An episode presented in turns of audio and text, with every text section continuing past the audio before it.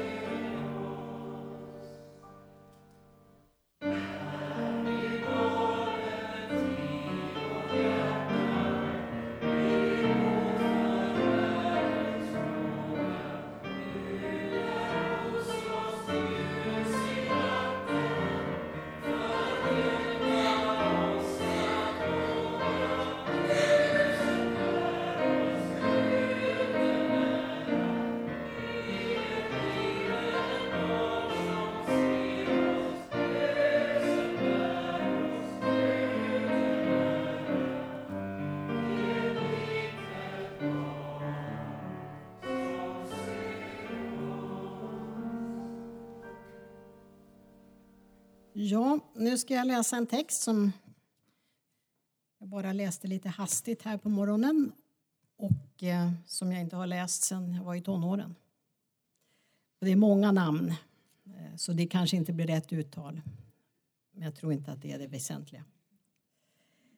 I Ramatayim i Efraims bergsbygd bodde en man som hette Elkana. Han var från Sufs land jag vet inte om du sa Kufs förut i inledningen. Nej, Sufs land och var son till Jerosham. Son till Eli, Elihu, son till Toshu, son till Suf av Efraims stam. Elkana hade två hustrur, den ena hette Hanna och den andra Paninna. Paninna hade barn, men Hanna var barnlös. Varje år gick Elkana från sin hemstad upp till Silo för att tillbe och offra till Herren, Sebaot, till Herren Sebaot. Där var Elias båda söner Hofni och Pineshas präster i Herrens tjänst. När Elkana offrade gav han sin hustru Peninna och alla hennes söner och döttrar flera anledningar av andelar av offerkött medan Hanna bara fick en enda. Men Hanna var den som hade som han hade kärast fastän Herren hade gjort henne ofruktsam. Hennes rival retade och förödmjukade henne ständigt för att hon var ofruktsam. Elkana gjorde sin färd åt år efter år och var gång Hanna följde med upp till Herrens tempel blev hon hånad av de andra. När Hanna då grät och inte ville äta sa hennes man Elkana till henne Varför gråter du, Hanna, och varför äter du ingenting? Varför är du så sorgsen? Är jag inte mer för dig än tio söner? Efter en offermåltid i Kilo trädde Hanna fram inför Herren. Vid dörrposten till Herrens tempel satt prästen Eli på en stol. I sin sorg bad Hanna till Herren och gråtande gav hon honom detta löfte. Herre Sebaot, om du ser till din tjänarinnas nöd och vill ta dig an mig, om du inte glömmer bort mig utan skänker mig en son, då ska jag ge honom åt Herren för hela livet och ingen rakkniv ska någonsin vidröra hans huvud. Hon bad länge inför Herren och Eli satt och iakttog hennes läppar. Hon bad nämligen tyst för sig själv och rörde läpparna utan att orden hördes. Eli trodde att hon var berusad. Hur länge ska du bära dig åt så där, sa han. Se till att bli av med ruset. Men Hanna svarade, nej herre, jag är en ordentlig kvinna. Vin eller öl har jag inte druckit. Men jag har burit fram mina sorger för Herren. Tro inte att jag är en dålig människa. Hela tiden var det min sorg och förtvivlan som fick mig att tala. Då sa, Elisa, sa, eh, sa det Eli, Eli, gå i frid, Israels Gud ska ge dig vad du har bett honom om. Hanna tackade vördnadsfullt och gick sin väg. Sen åt hon och såg inte längre sorgsen ut. Nästa morgon steg de tidigt upp och till, tillbad Herren i templet och vände sedan åter till Rama. När nu Elkana låg med sin hustru Hanna kom Herren ihåg henne. Och när året var till ända hade hon blivit havande och fött en son. Hon gav honom namnet Samuel, ty, sade hon, jag bad Herren om honom. När Elkana och hela hans familj gick upp till Silo för att förrätta det årliga offret till Herren och frambära sitt löftesoffer följde Hanna inte med. Jag väntar tills pojken har blivit avvand, sa hon till sin man. Då ska jag ta med honom och han ska få träda fram inför Herren och stanna där för all framtid. Elkana svarade, gör som du finner bäst och vänta tills han är avvand. Må Herren låta det bli som du har sagt. Hanna stannade hemma och ammade sin son till dess att han var avvand. Då följde hon med Elkana och de hade med sig en treårig tjur, en säck mjöl, en lägel vin. Så fördes pojken till Herrens hus i Silo. Han var med dem när de trädde fram inför Herren. Fadern offrade det slaktoffer som han varje år brukade frambära åt Herren. Sen förde han fram pojken och offrade tjuren. Hanna, pojkens mor, tog honom med sig till Eli och sa Hör på mig, Herre, så sant du lever, Herre. Jag är den kvinna som stod här hos dig och bad till Herren. Det var det, om detta barn jag bad och Herren har gett mig vad jag bad om. Nu vill jag i min tur ge honom tillbaka åt Herren. Så länge han lever ska han tillhöra honom. Därefter tillbad de Herren i Silo. Då har vi fått höra berättelsen om Hanna. Och vi ska stanna upp en stund inför det nu. Vi ber en, en bön först. Tack himmelske Fader för ditt ord som vi fått lyssna på. Jag ber att du ska få öppna upp det för oss och låta det få möta just våra liv här idag. Tack också för de gåvor vi samlar in i kollekten. Jag ber att du ska välsigna dem så att de också får ge mer liv åt människorna här i Strängnäs. I Jesu namn. Amen. Jag stötte på ett citat för några veckor sedan som jag hajade till på. Och jag ska läsa det citatet och så kan vi ha lite, lite sådär, se om någon kan gissa vem som har sagt det och i vilket sammanhang. Så här stod det i en svensk tidning som jag läste. Finns det en frälsare så är behovet jättestort. Men vad jag vet så finns ingen frälsare. Är det någon som vågar gissa vem som kan ha sagt så?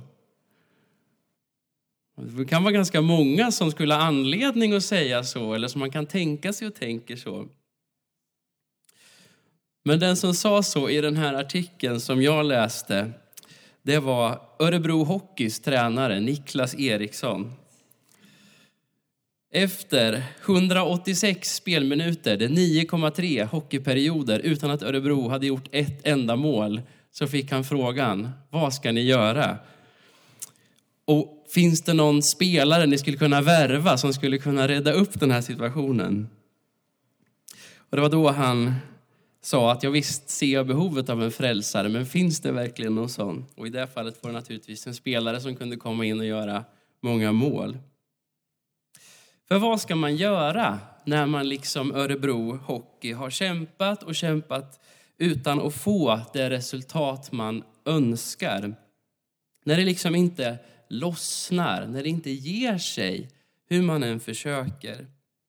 När man till slut inser att man själv inte har det som krävs för att lösa sitt problem, utan att man behöver hjälp utifrån. Den frågan kastas vi in i, fast på en mycket allvarligare nivå när vi idag sätter oss bredvid Hanna i templet i Kilo. För henne gäller det ju någonting annat som inte lossnar, som inte vill sig.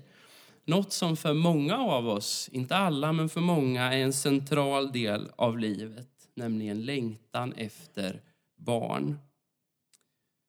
Hanna är vid det här laget en lyckligt gift kvinna. Hon bor med sin man Elkana i Israel. Och under en högtid, lövhyddefesten, Sukkot är det förmodligen, så går Hanna och hennes man upp till Kilo, till platsen där Israel hade ställt sin portabla gudstjänstlokal, tabernaklet, som de byggde i öknen på väg ut ur Egypten. Det här är alltså på tiden innan man byggde sitt tempel i Jerusalem. De går till Kilo där de har sitt tabernakel. Och de går dit för att fira en glädjefest. En glädjefest på höstkanten över den välsignelse som Gud har gett under årets skörd. Och för att be om välsignelse över den fruktbarhet Gud skulle ge det kommande året. Och Hanna och hennes familj de bar fram ett gemenskapsoffer. Och det innebar att en del av det man hade med sig gav man symboliskt till Gud som ett tack, som ett erkännande för att man hade fått ta emot det från Gud. Och resten så kalasade man på tillsammans och hade en stor fest tillsammans där alla fick vara med, rik som fattig, utlänning som infödd. Så det var en rejäl fest som Hanna och hennes familj var med på vid det här tillfället. Men Hanna har svårt att dras med i glädjen. För mitt i det där så påminns hon ju då om sin stora livssorg, sin egen ofruktbarhet. Och hon och hennes man de har försökt lösa det här problemet på samma sätt som Abraham och Sara, om ni minns dem, försökte lösa samma problem många år tidigare. Nämligen genom att Elkana tagit sig en bihustru, en annan kvinna, och så har de liksom försökt få barn då till familjen genom den kvinnan. Och det har funkat exakt lika bra eller lika dåligt som det funkade för Abraham och Saras äktenskap. Nämligen att visst blir det barn, men det skapar eh, mycket problem. Det skapar sorg, svartsjuka, ilska. Och Hanna får vi veta, hon känner sig provocerad när hon sitter där på festen, när hon ser sin mans andra fru Peninna och hennes barn, som de säkert hade tackat Gud för under den där högtiden. Och vi vet inte hur, hur det gick till, alltså varför Hanna blir provocerad. Kanske var det så att Peninna gjorde något för att reta henne, men det kan vi faktiskt inte vara helt säkra på utifrån texten. Det kan mycket väl vara så att Peninnas blotta existens och barnens existens, deras uppsyn och den framgång som hon har fått, det som Hanna längtade efter, att det var det som skapade ilska och provokation i Hanna. Och vad gör man när man drabbas av en sån där ilska, av avundsjuka, när man ser en annan person få det där, och det verkar så enkelt när en annan får det som jag har kämpat för, som jag har längtat efter. Ja, på en hockeyrink så kan ju en sån situation leda till ett stort slagsmål. Men i lite mer civiliserade miljöer kanske vi istället försöker att göra livet lite surt för den där som vi är avundsjuka på genom någon syrlig kommentar eller liknande. Men Hanna verkar vare sig ställa till med slagsmål eller bråk den här dagen. Utan hon gör faktiskt, tycker jag, flera bra saker. Dels så tillåter hon sig själv att vara ledsen.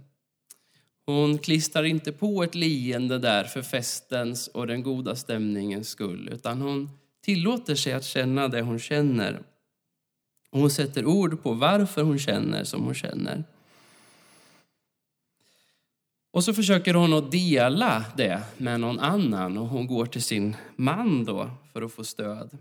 Och jag kan inte annat än att känna lite medlidande för stackars Elkana. Tänk att hans kassa tröst till sin fru kom med i Bibeln.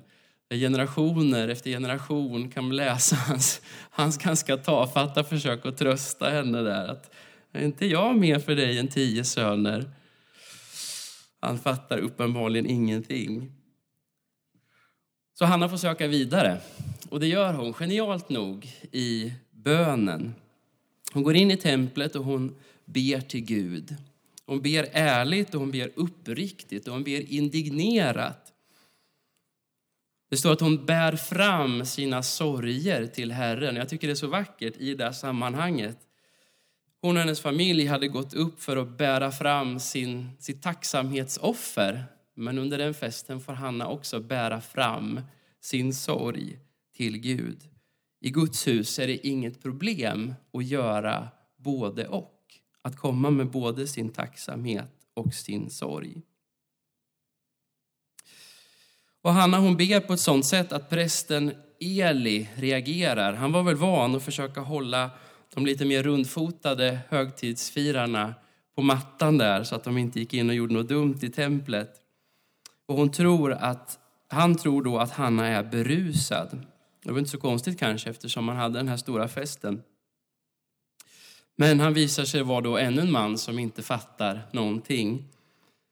Men när Hanna har förklarat sig så får hon ju det här positiva beskedet.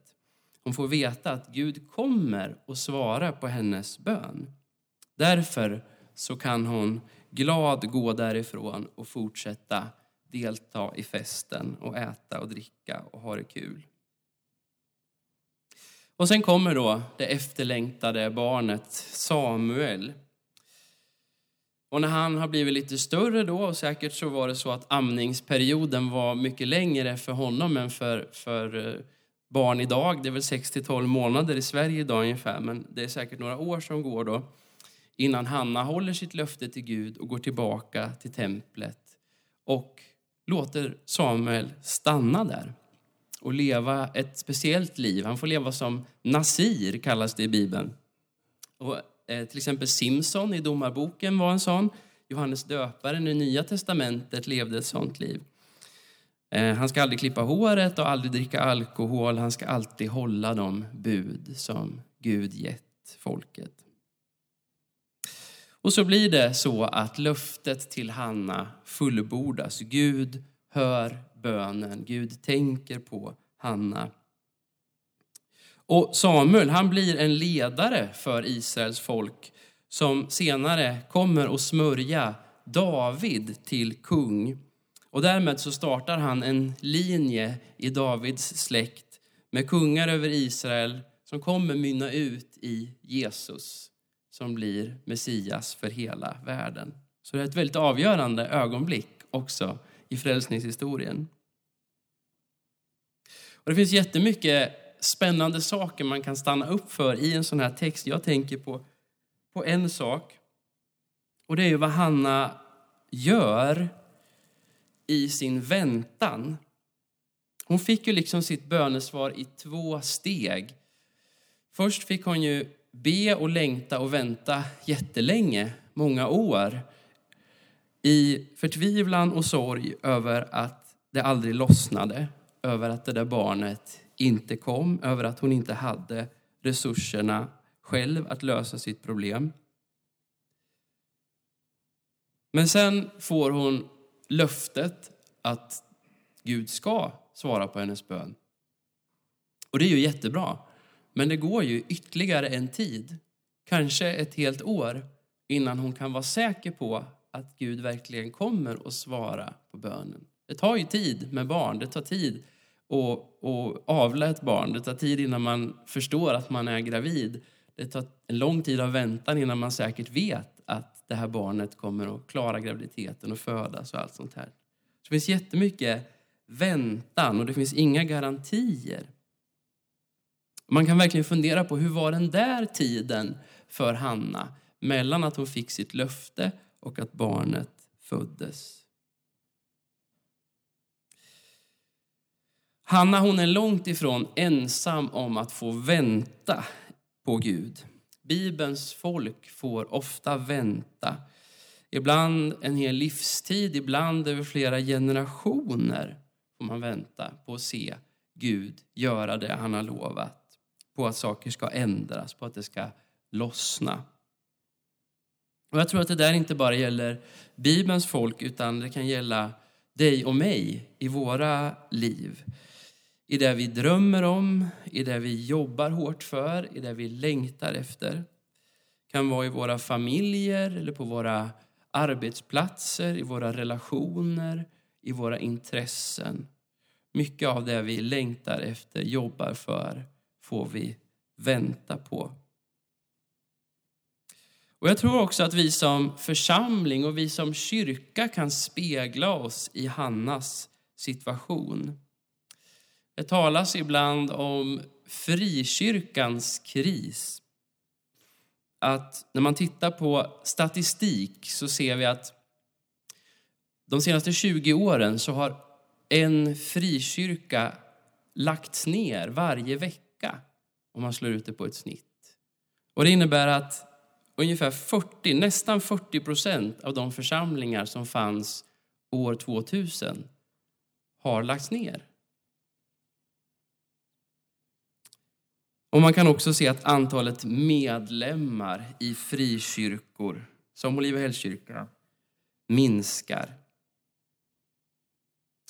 Det är inte sant överallt, men det är sant när vi tittar på hela bilden att frikyrkan är ganska ofruktsam.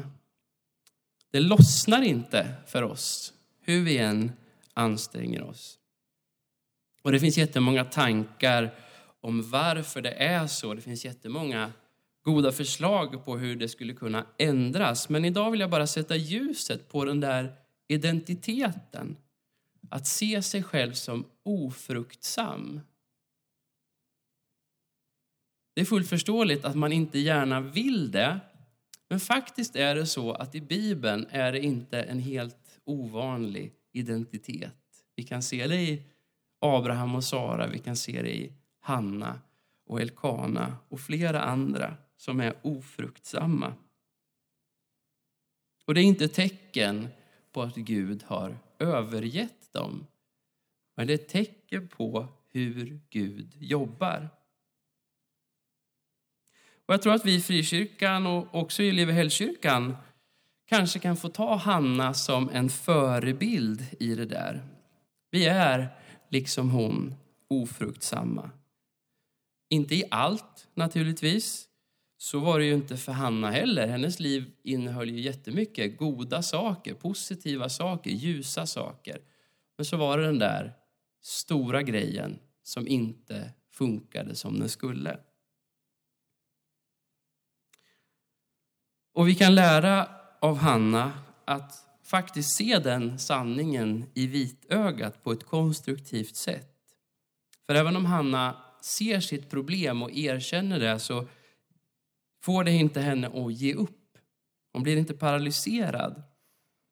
Och det behöver inte vi heller göra. Vi kan och bör ärligt dela våra känslor inför det här med varandra. Vi måste inte artigt le, låtsas som att allt är okej, okay, som att det är som, att vi, som vi önskar att det skulle vara. Men vi behöver, precis som Hanna också, vända oss till Gud i det här. Hanna insåg att hon och Elkana inte kunde lösa sitt problem själva. De behövde gå till Gud och be ärligt och indignerat. Och det kan vi också få göra. Det har vi börjat göra i Olivehällskyrkan. Vi har ju börjat be varje vecka att församlingen ska få växa. Och i det så upptäcker vi också kanske nya saker om vår vilja och vår önskan och våra bevekelsegrunder. Till exempel att vi inte behöver be att kyrkan ska växa för vår egen skull, för att vi ska få bekräftelse, utan att vi kan få be att nya människor ska få möta Jesus för sin egen skull, för att få ett djupare syfte med sina liv, för att få erfara hur Guds ande leder och förvandlar, för att få se hur vi tillsammans kan få bereda plats där Gud kan låta sitt rike växa på jorden. Så att världen blir en vackrare och fredligare och rättvisare och varmare plats. Och genom Jesus har vi fått bekräftelse på att det är just vad Gud vill. Det är just vad Gud tänker göra. De böner vi ber om det, de tänker Gud besvara. Så frågan är, vad gör vi nu? Vi står där mellan löfte och uppfyllelse. Ja, vad gör Hanna i den situationen? Vi vet inte så mycket om den tiden, men vi vet några saker. Vi vet att hon går hem och väntar, men att hon väntar aktivt. Hon väntar i tillit till Gud. Och Det är en aktiv väntan därför att hon och Elkana gör vad de kan för att det här barnet ska bli till. Elkana låg med sin hustru och Gud kom ihåg dem. Annars hade det inte blivit någon Samuel hur mycket Gud än hade velat och hur mycket Gud än hade lovat.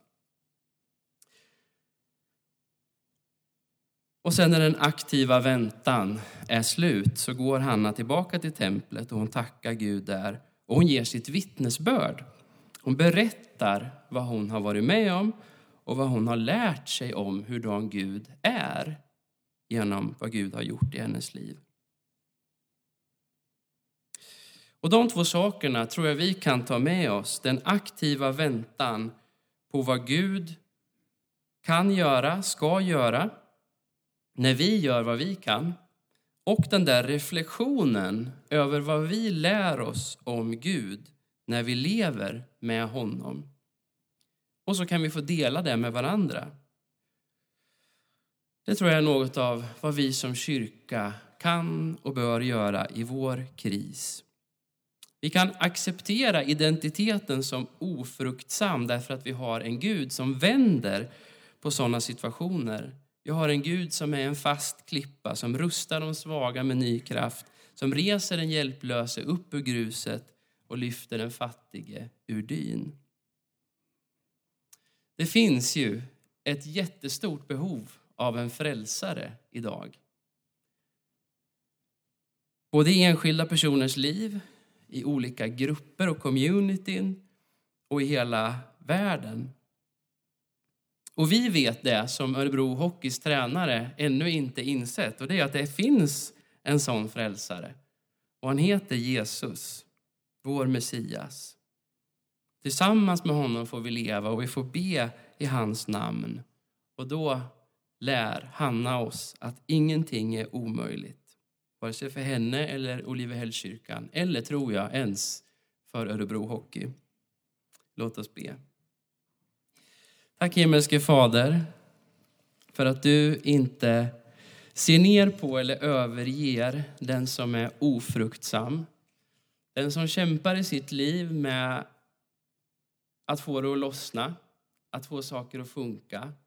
Den som sträcker sig efter någonting som ligger precis utom räckhåll. Tack för att du finns just i sådana situationer och tack för att du kan göra skillnad. Jag vill be för var och en av oss som känner igen oss i det där just nu. I ofruktsamheten, i att det inte lossnar, vad det nu kan vara, om det är på jobbet eller i familjen eller ja, vad det nu än är, så ber jag Herre att du ska ge en bekräftelse just nu till var och en av oss att du är med i det här.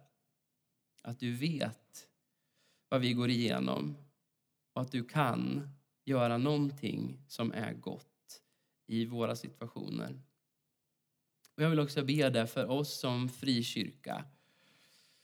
Att den här perioden som vi har sett nu, där vi har minskat numerärt, ska få vara en parentes. Där vi ska få se hur vi blir fruktsamma, inte för vår skull, för att vi ska bli bekräftade, utan för världens skull. Jag ber så i Jesu namn. Amen.